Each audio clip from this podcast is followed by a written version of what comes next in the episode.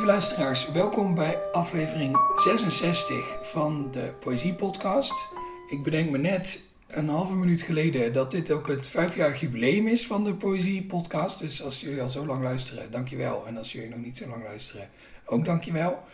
Ik zit op een geheime locatie in Amsterdam. eh, aan eh, de keukentafel van eh, wat nu nog geheim is, maar als jullie dit luisteren niet meer, de nieuwe stadsdichter van Amsterdam. En dat is Marjolein van Heemstra.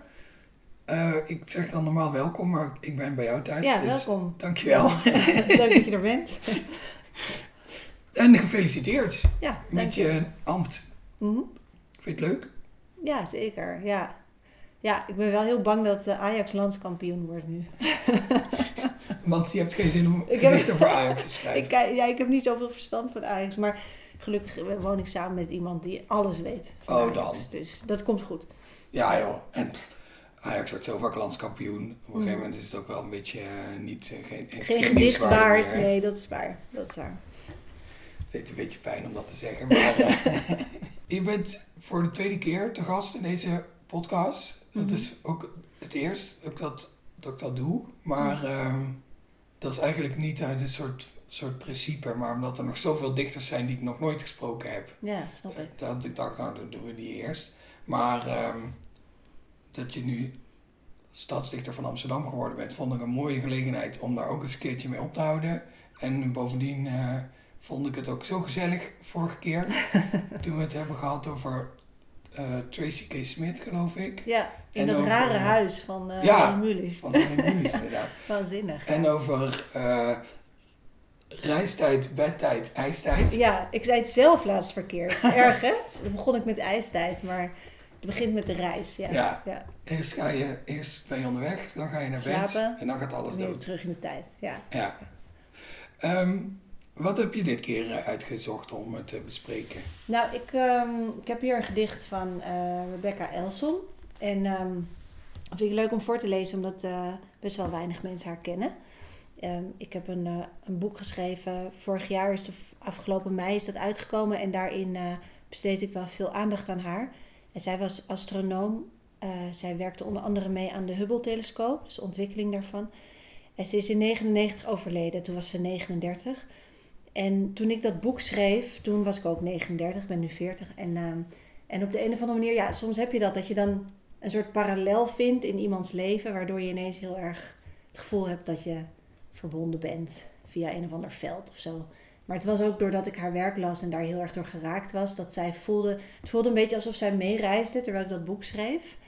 En, ehm, en ik vond het ook heel leuk om, om ja, over haar te schrijven, omdat ik dacht, ik, ik was haar nooit tegengekomen.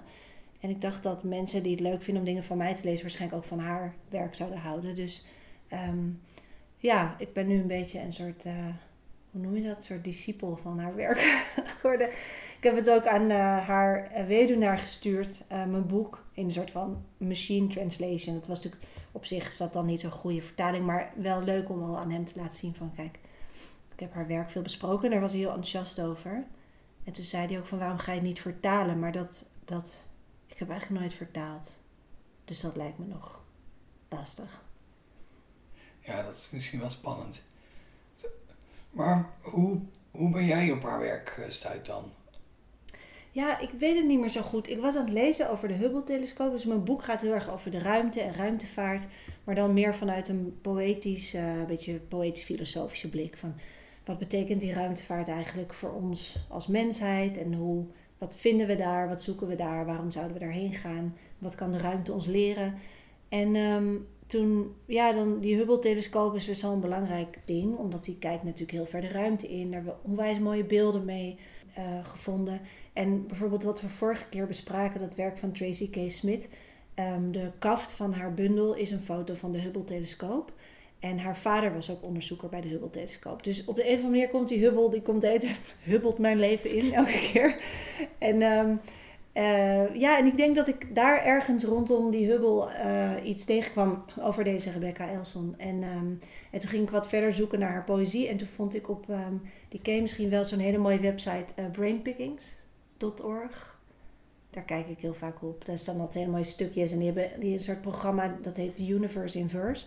En dan lezen allemaal bekende Amerikanen lezen dan gedichten over het heelal voor.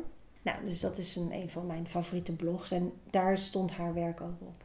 Dus toen heb ik meer van haar gelezen. En toen heb ik haar boek besteld. En dat duurde geloof ik echt vier maanden. Dat moest uit een of andere kelder van een universiteitsgebouw getrokken worden. Ehm, dus dat is echt bepaald niet uh, makkelijk te krijgen. Ja. Nou, wat fijn voor het Nederlandse publiek dat jij het dan zo op een presenteerblaadje uh, ja. Uh, Dit is wel in het Engels, want ik weet dat het wel in, in het Italiaans vertaald is, maar nog niet in het Nederlands, voor zover ik weet. Misschien kan je dat doen dan. Italiaans? Nee, misschien kan je haar werk naar het Nederlands vertalen. Ja. In plaats van jouw boek naar het Engels, als je dat ja. Oh, zo. Nee, hij, hij bedoelde ook, die weduwnaar zei ook van, wil je het niet naar het Nederlands oh, vertalen? op die manier. Ja. Oh ja, oh, ik dacht dat, dat hij bedoelde, wil je niet een fatsoenlijke Engelse vertaling van je boek maken in plaats van Nee, die komt er wel. Daar is al een echte vertaling oh, okay. bezig. Ja. Maar nee, in het Nederlands te vertalen. Dus ja, daar zit ik over na te denken. Dit is een gedicht, dit heb ik geprobeerd in het Nederlands te vertalen. Maar ik was niet tevreden met mijn eigen vertaling. En het heet Evolution of Evolution, daar hadden we het net over. Is het een I of een F? Volgens mij, jij zei het mag allebei. Evolution vind denk ik het mooiste. Evolutie. Oké, okay. zal ik hem? We are survivors of immeasurable events, flung upon some reach of land. Small, wet miracles without instructions, only the imperative of change. Dat was het mal. Mooi. Mooi, hè? Ja. Ja, zo, ik vind het, ik weet niet zo lief, small wet miracles. Dat is zo'n mooie omschrijving van de mensheid, toch? Ja, en zo ook survivors of immeasurable events. Daar zit al zoveel uitzoomen in van alles, elk deel van ons heeft oneindig veel gebeurtenissen overleefd om tot deze vorm te komen. En flung upon some reach of land is ook zo mooi. Gewoon zo ergens terechtgekomen. En wij denken allemaal dat we iets zijn met de plek waar we zijn, de vorm die we hebben en zo. Maar we zijn ook maar een soort van aangespoeld ergens in de vorm die we toevallig werden. En dat einde is natuurlijk ook mooi. Only the imperative of change. Dat is eigenlijk het enige wat je zeker weet. Is dat het verandert en dat je zelf weer een andere vorm krijgt. ja. En dit schreef ze volgens mij ook best wel al tijdens haar ziekte. Ze kanker. En um, dus tijdens het proces van uh, sterven. Dus haar gedichten gaan ook altijd wel over vergankelijkheid en zo die lange lijn. Ik denk dat ze misschien een soort troost zocht in dat idee dat je weer een andere vorm krijgt of zo. Of dat als je heel erg uitzoomt, dat het ook oké is om te gaan of zoiets. Ja. ja voor zo'n kort gedicht is het echt kolossaal, hè, wat er allemaal in zit. Er zit heel, veel in, ja, dat, dat vind ik echt knap. En ik moet zeggen dat ik niet al haar gedichten uh, sommige zijn ook misschien meer aantekeningen of zo dan gedichten. Het boekje waar dit in staat, dat heet uh, Responsibility to All. Dat vind ik ook zo'n mooie zin. Dus een soort verantwoordelijkheid naar het onzagwekkende of zo. Maar dat is eigenlijk, uh, ja, het is dus een verzameling tussen gedichten en aantekeningen en dagboekfragmenten. En, en je ziet ook dat ze er nog heel erg aan het werken was daaraan. Dus ik, ik denk dat het ze, heeft nooit echt een dichtbundel uitgegeven of zo. Je hebt alleen dat boekje en er staan gewoon haar gedachten en een paar gedichten in. Um, ik kan me voorstellen dat ze langer had geleefd, dat, dat, dat ze een hele mooie bundel had uh, geschreven. Ja. En kan je eens vertellen over je boek, waarin die poëzie dan een, uh, een rol speelt? Um, ja, dat heet uh, In lichtjaren heeft niemand haast. En dat gaat, um, de ondertitel is Een zoektocht naar meer ruimte in ons leven. En eigenlijk de vraag van hoe, hoe kan je via het heelal of dankzij het heelal, de ruimte, anders kijken naar de aarde en naar jezelf. Het is een soort oefening in uitzoomen, zowel in ruimte als in tijd. Want eigenlijk gaat het gelijk op. Als je heel erg gaat uitzoomen in de ruimte, kom je vanzelf in andere tijdzones terecht. En um, het was een beetje een persoonlijke oefening voor mij ook, omdat ik het gevoel had, ja nog steeds, het is zo'n best wel een paniekerige tijd. Ik schreef het in negen, ik begon te schrijven in 2019. Dus wel grappig dat ik het toen al allemaal heel heftig vond. dat, nou ja. Um, of ja, maar het is wel, ik vond, wat ik gewoon nog, wat natuurlijk toen ook al lang aan de gang was, is de snelheid, de stelligheid van mensen, de soort van de kleinheid van ons denken, de kleinheid van onze identiteit, van wie ben je, dat is nog maar zo beperkt eigenlijk. En ik had enorm verlangen om daar iets groters tegenover te zetten omdat ik denk dat het allemaal wel waar is, die kleinheid. Maar daarnaast is er ook een grootheid. En die miste ik heel erg.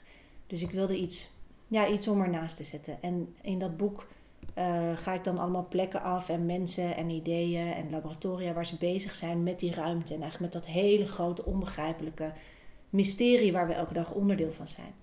En ik vond daarmee bezig zijn gaf mij heel veel eh, denkruimte. En het gevoel van, oh ja, ik ben ook gewoon een alg zo. En een, een onderdeel van de kosmos. En gewoon ijzer en magnesium. En dat vind ik een heel uh, prettig, uh, relativerend idee. Ik vind het ook zo interessant aan lichtjaren dat het zo. Wat je net zei, als je uit wil zoomen in tijd of in ruimte, dan, dan doe je eigenlijk het. Je doet het eigenlijk altijd allebei. Mhm. Dat is een, een lichtjaar is natuurlijk ook een, een manier om ruimte te meten. In tijd. In tijd. Ja, dat, dat vind dat ik zo vind gek. zo, dat is zo tof aan het woord. Ja, want het is een jaar. Het is de, de tijd die het licht in een jaar aflegt. Ja, dus het is inderdaad allebei. Ja. En, en ook een onzag, onzagwekkende afstand. Ja. Je kan wel, je kan... Is het ook weer? 100.000 kilometer per seconde of zo? Ja, dat kan, dat weet ik niet. Nee, dat... Maar zo, je kan wel begrijpen dat een, oké, een lichtjaar, dat is de afstand die licht aflegt in een jaar. Ja. Maar, zeg maar, ja, als, als je dat voor jezelf concreet probeert te maken, Ja. dan, tenminste voor mij is dat eigenlijk gewoon echt niet te doen. Nee, nee, want dat, nee, dat is ook niet te doen. Dan, dan ben je zo ver weg, zo'n afstand. Ten eerste, je kan hem nooit afleggen. Dus het is helemaal niet, het is totaal buiten je eigen ervaringswereld. Buiten je mogelijkheden, buiten het, het leven dat jij beslaat. Zo'n kleine eeuw, wat is dat nou? Ja, dus dat is, dat is eigenlijk wel verpletterend om over na te denken. Ja, en dan dat één lichtjaar eigenlijk nog niks is. Helemaal niks. Ja, inderdaad. heb je dan, Ja. eh, eh, wat is de dichtstbijzijnde ster? Hoeveel lichtjaar is dat? Nou, volgens mij is het- dat Proxima Centauri B, is dat niet de dichtstbijzijnde? Ja, volgens mij wel. En dat is dan, volgens mij doe je daar 44.000 jaar over. Oh ja. Om daarheen te reizen. Dus dat, is, dat duurt heel lang. Ja, Ja, het is geloof ik 8 8,6 lichtjaar. oh, dat ik. zou kunnen. De Ja. enige reden dat ik dat weet is omdat Nick Cave dat in een, in een lied heeft zitten. Oh, oh ja, ja. Ja, ik moet zeggen dan, de reden dat ik dit boek ook niet durf te schrijven is dat ik best wel slecht ben met getallen. Dus al die dingen moest ik de hele tijd opzoeken. En dat zijn ook niet dingen die bij mij beklijven, zeg maar. Ik moet eigenlijk elke keer opnieuw die berekeningen of, oh ja, hoe zat het weer, hoe werkt zwaartekracht nou precies, dat moet ik elke keer opnieuw opzoeken. Want dat is dus niet kennis die automatisch vastkleeft in mijn hoofd. Zoals wel dichtregels dat kunnen doen of een soort, als, ik weet niet, bepaalde poëtische kennis of zo, die blijft wel hangen. Of als ik er iets poëtisch van kan maken. Maar als het gewoon een getal is, dan, dan eh, nee. Dus, dus daarom moet ik je nu het antwoord schuldig blijven als je zegt hoeveel lichtjaar dat. Ongetwijfeld moet ik bij wat ik net aan getallen genoemd heb ook weer een disclaimer inbouwen. Ja. Omdat ik het verkeerd onthouden heb. Of omdat Nick Cave Ja. een andere ster bedoelt. Of, ja, eh, precies. Dat kan ook nog. Ja.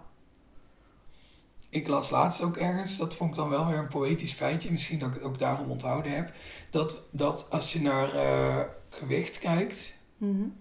of het was massa, maar hè, laten we daar wel dan maar weer in godsnaam niet te lang over doorgaan, maar dat je dus meer bacteriecellen bij je draagt dan, oh, misschien was het gewoon een aantal, dat je meer Ja. bacteriecellen bij je draagt van de bacteriën die in en op jou leven, Mhm. dan je eigen cellen. Ja, veel meer. Dat is ook iets wat ik in mijn boek beschrijf. Dat vond ik zo mooi. Er is een hele mooie zin van ehm, Donna Haraway, die eh, bioloog en filosoof. En die, die schrijft daarover van dat, dat weet ik ook nu, nu even niet uit mijn hoofd, maar zoveel procent, en dat is dan echt een belachelijk aantal, ehm, is inderdaad van niet-menselijk materiaal in je lichaam. En dan heeft ze zo'n eh, hele mooie ja, zo'n zin over hoe totaal afhankelijk wij dus zijn van al die wezens die niet menselijk zijn. En die zin, die, dat citaat eindigt dan met: To be one is always to become with many. En dat vind ik zo mooi. Dat je, wij denken dat we een soort van één zijn, dat we autonoom zijn. Maar eigenlijk zijn we de hele tijd in wording met allerlei andere wezens. En dat is ook, in mijn boek schrijf ik daar best wel wat over. Want als je bijvoorbeeld naar Mars gaat, dus dat is dan een deep space missie. En daar ben je behoorlijk lang mee bezig, misschien zo'n acht maanden. En dan moet je eigenlijk ehm self-sufficient zijn, dus eh, zelfvoorzienend. Want het is heel gevaarlijk om afhankelijk te zijn van eh, dingen die je, eh, eh, die je niet zelf kan genereren. Want je planning kan anders uitpakken. En als je voor zeven maanden eten meeneemt, je bent negen maanden onderweg, ben dood. Dus ze zijn aan het werken de hele tijd aan zo'n ecosysteem, hè, wat je dan mee kan nemen in je eh, spaceship. En ik vond het zo'n grappig idee dat je dan dus, eh, dan heb je bijvoorbeeld rucola nodig en spirulina, dat is een alg, en tomaten en nog zo wat dingen. En ik dacht als je dan als buitenaardse intelligentie zo'n ruimteschip tegenkomt met een mens en een alg en een tomaat, dan denk je dat dat één wezen is. Want die kunnen niet zonder elkaar. Je kan niet, in de ruimte ben je feitelijk die tomaat. Want je kan niet, zonder die tomaat besta je niet. En nou, die tomaat heb jou ook weer nodig. Dus dat vond ik zo mooi hoe dat aantoont. Eigenlijk als je ons losknipt uit dat systeem, dan zie je pas hoe afhankelijk we zijn. En hoe onmogelijk het is om als mens op jezelf uh, te bestaan. Dus dat kan de ruimte je misschien ook, uh, kan ons ook doen inzien hoe verweven we zijn. Ja, en dan ben je misschien ook al het water dat je ooit gedronken hebt. Dat ben je ook. En er zijn natuurlijk heel veel levensopvattingen die daar ook helemaal van uitgaan.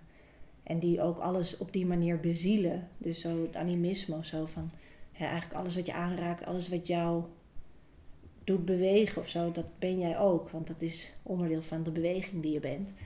En, en er is ergens is daar een soort, um, ja, misschien met monotheïsme wel vooral. Dat is natuurlijk heel erg uh, hiërarchisch denken. Van je hebt een god, en dan heb je de mensen, en dan heb je de dieren, en dan heb je planten. En daar is dat een beetje door de war geschopt, denk ik. Nu heeft dit tegelijk niks en ook alles met poëzie te maken hebben. Dus ik wil omdat we toch nog even op doorgaan. Um, er is toch een soort vaste hoeveelheid water. Gewoon de. Ja. Ik weet niet of water. Of een watermolecuul zal heus ook wel eens zeg maar, uh, uiteenvallen in zuurstof en waterstof. Maar in principe, zeg maar.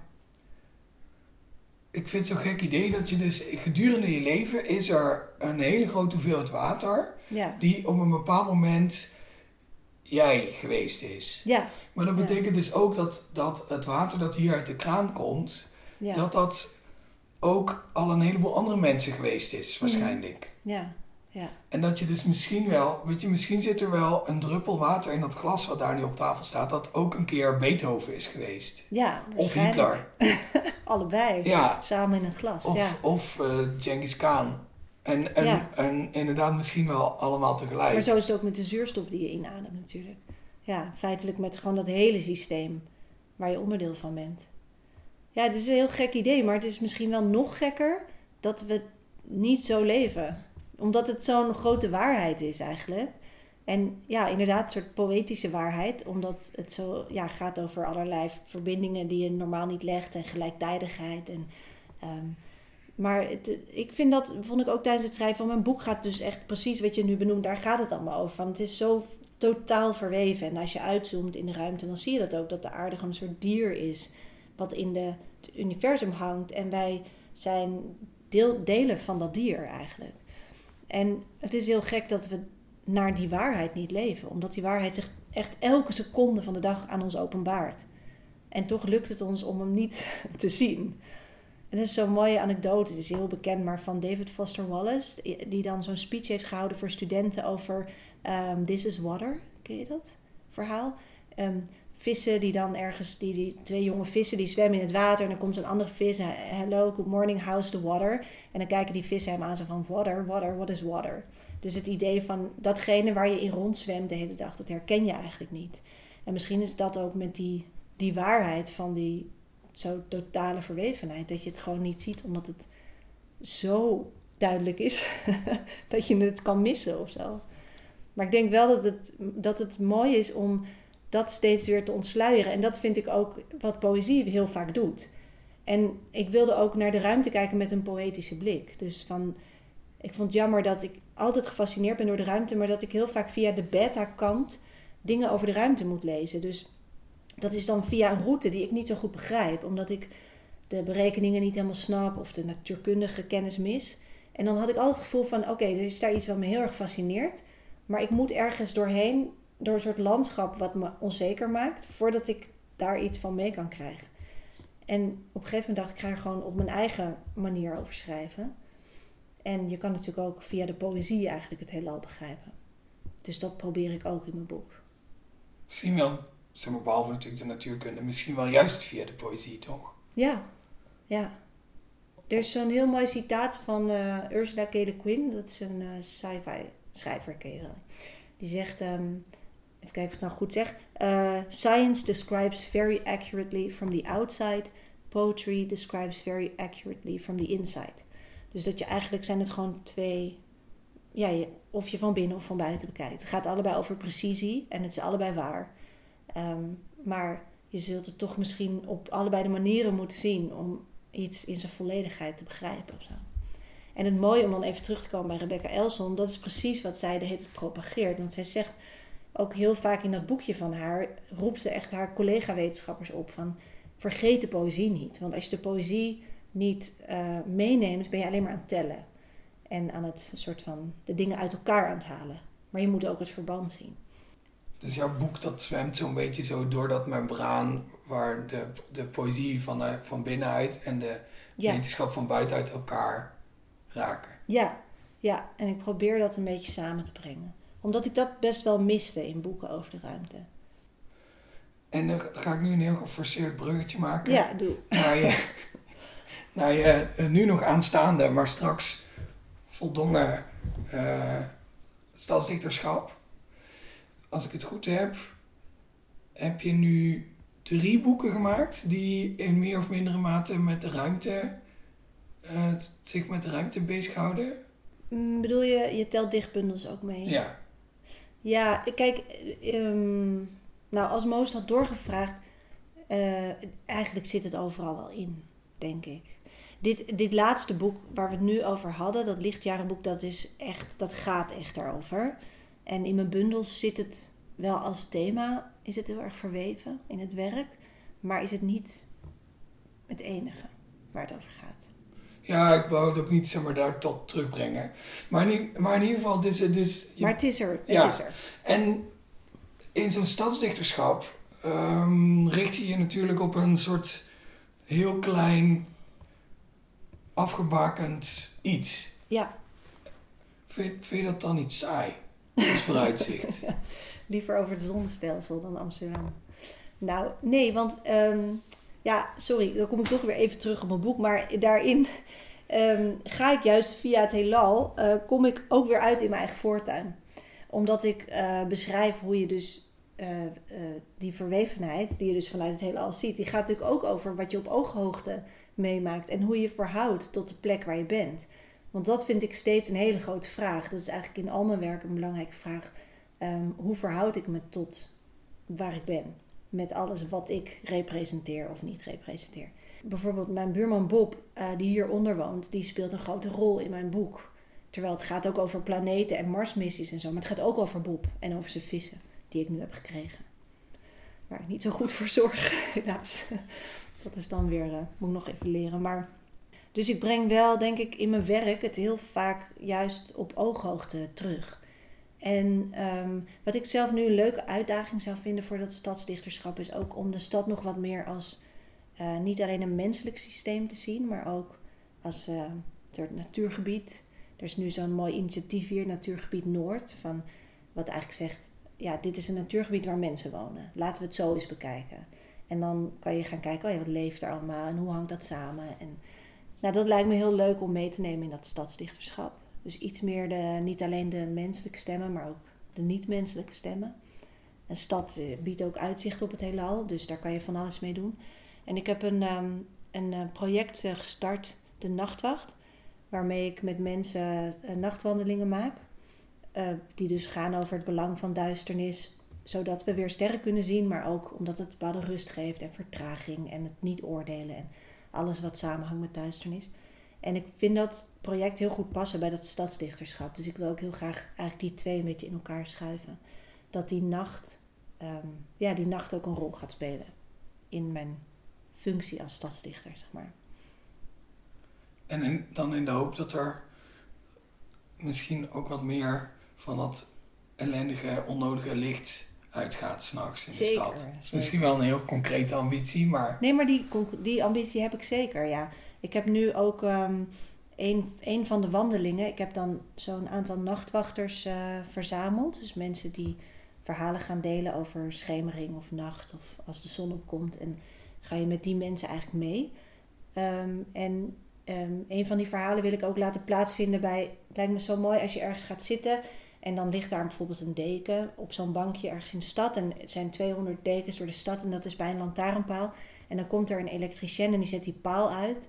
En dan begint het verhaal. Dus dan ga je een verhaal luisteren. En dan weet je dat er 200 mensen in de stad ook onder een verduisterde eh, lantaarnpaal datzelfde verhaal luisteren. Dus ik heb wel allemaal van die hele concrete ideeën daarvoor. Ik moet nu nog 200 elektriciens vinden. Maar er moet toch een soort van. Er, is zo'n elektrotechniekopleiding, toch? Wel in de stad. Daar heb je vast wel 200 jonge elektriciens die dat leuk vinden. Of, dus dus je hebt wel allemaal concrete ideeën. En het liefst natuurlijk, weet ik veel, een half uur of zo alle lichten uit. Dat is denk ik heel moeilijk te realiseren. Ik weet ook niet of ik dat op me zou willen nemen, want er hoeft maar één iemand te struikelen en uh, je hebt natuurlijk een probleem. Het is voor sommige mensen ook heel moeilijk om door het donker te bewegen, dat snap ik ook. Maar iets meer bewustzijn over wat dat licht je allemaal ontneemt, dat zou ik wel uh, mooi vinden, ja. Ja. Ja, ik vind dat ook heel zonde aan, aan in de stad wonen eigenlijk. Ja. Dat je, kijkt naar boven en uh, ja, ik ben dus opgegroeid in Noord-Limburg, waar je heel veel glastuinbouw hebt. Ja. En daar was het eigenlijk ook. Dus in die zin ben ik er wel aan gewend. de lucht. Ja, echt hele rare kleuren. Ja, ja, En, en uh, van dat vieze, van zo'n zo vieze, vlekkerige lucht krijg je dan s'nachts. Ja, ja. En hier, hier is het ook uh, ja, erg jammer. Dus ik hoop dat het lukt. Dan moeten de mensen maar binnen blijven en, en door een raam van het donker genieten. Dat kan ook, hè? Ja, als je het eng vindt dat je inderdaad van, van binnen naar buiten kijkt. Ik denk dat het echt, echt een verpletterend moment zou zijn. Als gewoon één avond alle Amsterdammers en, alle, en de industrie en weet ik veel. Dat kan zo mooi zijn. En dan moet het wel helder zijn. Echt heel lullig als het dan zwaar bewolkt is. Dan sta je dan met je goede gedrag. Ja, precies. Zo'n sterrenregen en dan helemaal niks. En dat is natuurlijk een beetje het probleem in Amsterdam. Of in Nederland sowieso. Ja. Maar het is, het is echt heel problematisch. En het is ook lastig voor uh, ons bioritme en voor allerlei dieren. En het is, het is veel ingrijpender dan mensen vaak begrijpen. Dat licht. Kijk jij veel naar boven? Um, ja, nee, omdat, omdat ik eraan gewend ben dat er dan toch niet zoveel te zien is. Ja. Ik kijk wel vaak veel omhoog naar gebouwen. Ja. Maar echt naar de lucht. Als ik bij mijn ouders ben en het, en het valt een beetje mee. Want ze zijn nu wel heel erg bezig om dat... Ja. In ieder geval daar in, in, in Noord-Limburg... om die tuinders ertoe te bewegen om uh, die dingen af te dekken... of Ja. uh, wat, wat s'nachts uit te zetten.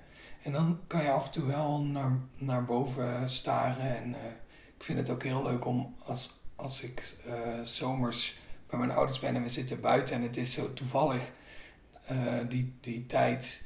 Of ja, het is niet een vaste tijd van het jaar, maar je zit toevallig in zo'n, in zo'n Ja, periode mee- dat ja. het ISS overkomt, Oh ja, ja, ja, per avond. Dat is leuk, En dan zo te kijken, zo, over een kwartier komt hij weer. En dan zie je zo'n stipje. Gaat heel snel, hè? Ja, Ja. en, maar ook dat je dan denkt, ja, dat, dat is gewoon een supergroot ding waar mensen in zitten. Ja, ja dat is ongelooflijk. Heel raar idee. Eigenlijk leven we al in de ruimte. Het is natuurlijk niet zo hoog, maar ja, het is wel een mooi idee. Ja.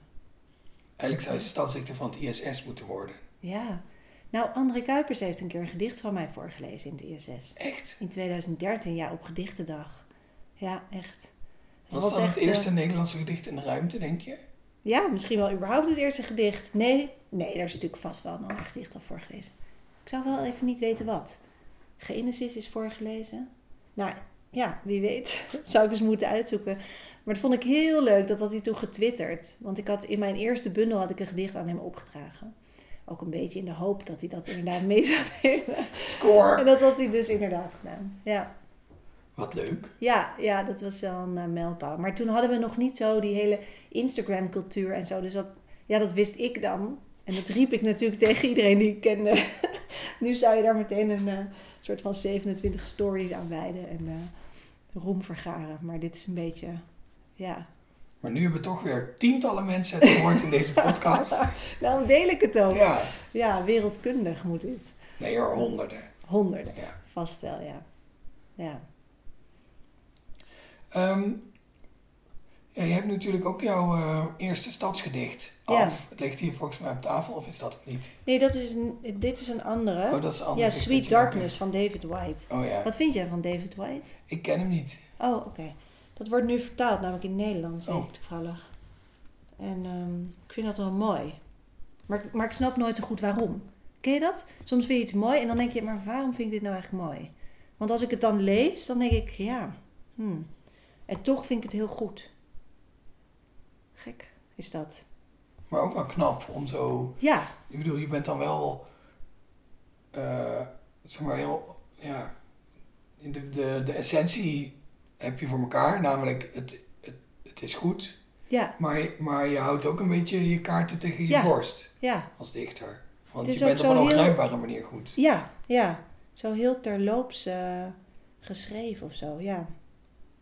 Dat, je hebt niet zoveel eh, Nederlandse dichters volgens mij die dat op deze manier kunnen. Maar goed, ik, misschien is het nu al uit hoor, die Nederlandse vertaling. Ik las dat dat vertaald werd. Dat ik mijn stadsgedicht, ja, dat, dat heb ik dus geschreven. Nou, ja, en ik twijfel nog steeds over de eerste strofe, of de laatste strofe, maar dat, hij is nu al, eh, het is nu al te laat. Oh ja, het is al naar de krant. Ken je dat? Ja. Ja, ja nou ja, ik, ja, jawel. Maar meer, zeg maar, ik heb jaren geleden een keer een bundel uitgebracht. En Ja. daar, ja, dan, dan ligt het vast. Dan kan je er niks Ja. meer aan doen. Maar dan moet je je ook een beetje aan overgeven, denk ik dan. En ga je dan niet bij een nieuwe druk, dat je het dan gaat eh, aanpassen? Ik vind het heel lief dat je denkt dat er een nieuwe druk was. Ja, nou, zo eh, hoog heb ik jou al zitten, In ja. de toekomst zou ik dat wel doen. Ja, En denk- Nee, ja, ik weet niet. Ik heb, ik heb eh, eh, bij heel veel studentenblaadjes en andere tijdschriften in de redactie gezeten. En daar leer je wel gewoon accepteren dat iets op een gegeven moment naar de drukker moet. En dan, Ja. en dan, wordt- dan gaat er ergens een fout staan, waarschijnlijk een vervelende. En dat is dan maar zo. ja, ja. dat in een boek is het natuurlijk wel weer iets anders. Ja, In, in, ik heb die vertaling van Ted Hughes uitgebracht vorig jaar. Oh, en, ja. Nee, het jaar daarvoor alweer. Jezus. Ehm, en daar, daar moet ik de eerste fout nog in vinden. Hmm. Dus bij deze Vaak vind je hem via anderen, hè? Ja. Dat mensen je mailen van... is ook nog niet gebeurd. Nee, Dus nee. eh, ik zou aan alle luisteraars willen zeggen: ga naar de winkel, Ja. koop die vertaling. Koop dan ook Speur de meteen fout op. Marlijns boek. En laat me weten als er in mijn vertaling een, een fout staat. Ja. Nee, maar jouw, eh, jouw stadsgedicht, dat is nog wel even spannend. Dat komt dus in het eh, Parool, huiskrant van de stadsdichter. Ja. Eh, en eh, daarom mag het eigenlijk, als deze podcast eh, eh, wordt uitgebracht, eh, mag ik dat nog niet aan de lieve mensen laten horen. Nee. Dus dit is eigenlijk het enige nadeel van heel trouw fan zijn van de Poëziepodcast. Is dat je dit dan nu waarschijnlijk hoort. En dan heb ik dat gedicht wat Marjolein zo meteen voordraagt, heb ik eruit geknipt. Ja. Maar dan moet je het gewoon na donderdag 26 januari moet je het gewoon nog een keer aanzetten. Ja. En dan plak ik heb het erin. Dat is een goed idee. Ja. Vind ik wel spannend. En dan is het ook een beetje, eh, nou ja, niet interactief, want, want mensen kunnen nu niet ingrijpen. Eh, precies. tenminste, niet op een manier die wij merken. Maar wel dynamisch. Dynamisch, ja. En misschien ontdekken ze nog iets nieuws in het gesprek. Ja, Als ze het helemaal weer gaan luisteren. Ja. En Maar zal ik het voorlezen? ja heel graag. Oké. Ik vind het een beetje eng, want ik ben heel bang dat ik dan meteen weer denk: oh nee, dat moet anders. Maar het Ja. kan niet meer. Maar dat kan niet meer. Nee, maar dat is toch ook, geeft toch niet ook een soort rust dat je denkt, nou ja, maar het kan niet meer. Ja, jawel, jawel. Ik had dat bij In zekere tentamens altijd. Dan, Ja. dan denk je, ja oké, het, zeg maar het cijfer, op het moment dat je het inlevert, dan ligt je cijfer al vast eigenlijk. Ja, Dus dan hoef je er ook niet meer druk om te maken. nee, Want het kan is er helemaal niks meer aan doen. Dit gedicht is al gepubliceerd in het Parool. Ja, Zo moet je het zien. ja als mensen dit horen wel, ja. Ja, Ja, maar in deze podcast kan je natuurlijk zoveel wijzigingen aanbrengen nog als je wil. Terwijl het hier zit. dus het is Morgen niet heel anders voorlezen dan straks in de krant staat. ja, oké. Nou, dan ga ik het nu voorlezen. Het heet 2022. Ja, dus gewoon het jaar, zeg maar. Het is een nieuwjaarsgedicht. Dat was ook een beetje het idee van een nieuwjaarsgedicht. We beginnen.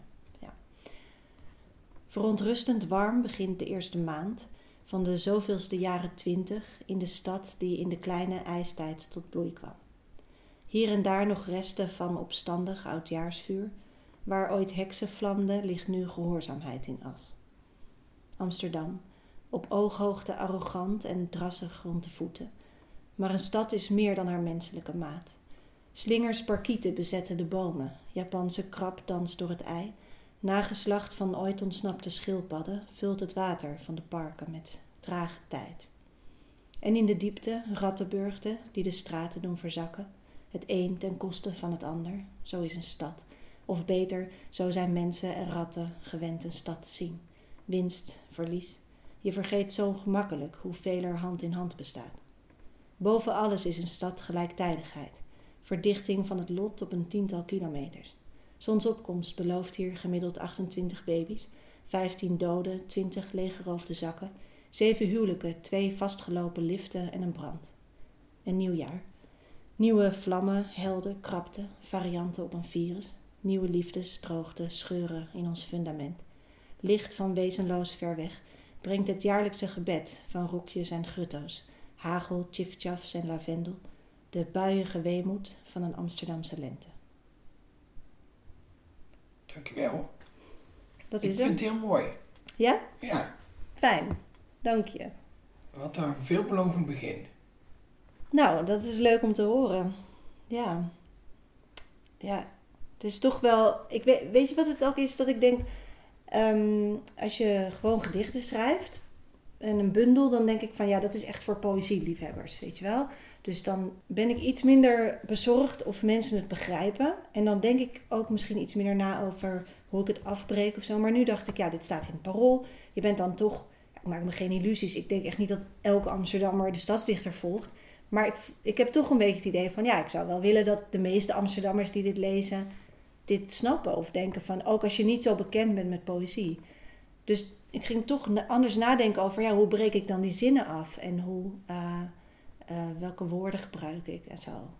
En ja, ik wilde iets schrijven wat wel toegankelijk genoeg was, maar ook weer niet plat, zeg maar. Nou ja. Dus het is wel grappig dat, dat ik merk dat, dat stads, het idee van het stadsdichterschap eh, in mijn hoofd zit als ik schrijf. Dat het mijn toon, ik denk dat het mijn toon bepaalt. Het is een gekke tussenvorm tussen vrij werk en iets in opdracht. Ja, ja, ja. Dat is echt zo. Maar ik vind het wel leuk om over Amsterdam te schrijven. Ik hou echt heel erg van deze stad. En ehm, ik dacht ook, toen ik erover na ging denken, ik werd geïnterviewd voor het Parool over hè, wat betekent die functie en zo. En ik had daar nog niet heel erg over nagedacht. Toen dacht ik, ja, ik ben hier geboren. Ik heb tot mijn negende hier gewoond en toen in Rotterdam. Ik heb eigenlijk alle jaren dat ik in Rotterdam woonde, heb ik Amsterdam gemist. En ook meteen weer naar teruggegaan. En ik schreef eh, ja, ik denk zoals heel veel mensen die nu schrijven, dan je begint al best wel jong, toch? Met gewoon het idee van, oh, gedichten proberen en zo. En, maar die, als ik toen had geweten, ik bedoel er niet op te blazen of sentimenteel te doen, maar als ik zeg maar toen had geweten als twaalfjarige of zo van, maar op een dag mag je stadsdichter zijn van die stad waar je zo van houdt, dat had ik dan, ja, had ik wel echt heel bijzonder gevonden. Dus ineens dacht ik van, oh ja, ik vind het ook wel leuk om het zo te omarmen als iets, eh, als iets wat echt iets betekent voor mij. Omdat Amsterdam zoveel voor mij betekent. En ik denk ik ook nooit meer wegga hier. Ik ben gewoon toch iemand die hier hoort of zo. Ben ik achtergekomen. Ik probeer wel eens weg te gaan. maar, eh, en, en Rotterdam was ook echt leuk. En ehm, ik ben blij dat ik die stad ook heb leren kennen. Maar Amsterdam is wel mijn plek altijd geweest. Ja.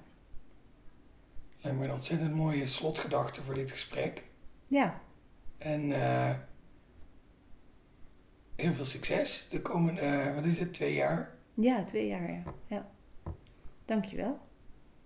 Dit was aflevering 66 van de Poëzie Podcast. Die wordt gemaakt door mij, Daan Doesborg, in samenwerking met de Stichting Literaire Activiteiten Amsterdam. Onvermoeibare literatuurtijgers die ook eh, de stadsdichter van raad en daad voorzien. De muziek bij deze podcast wordt gemaakt door Bart de Vrees. Volgende maand ben ik er weer met een, eh, nieuwe normale aflevering van deze podcast. Eh, bedankt voor het luisteren en heel graag tot de volgende keer.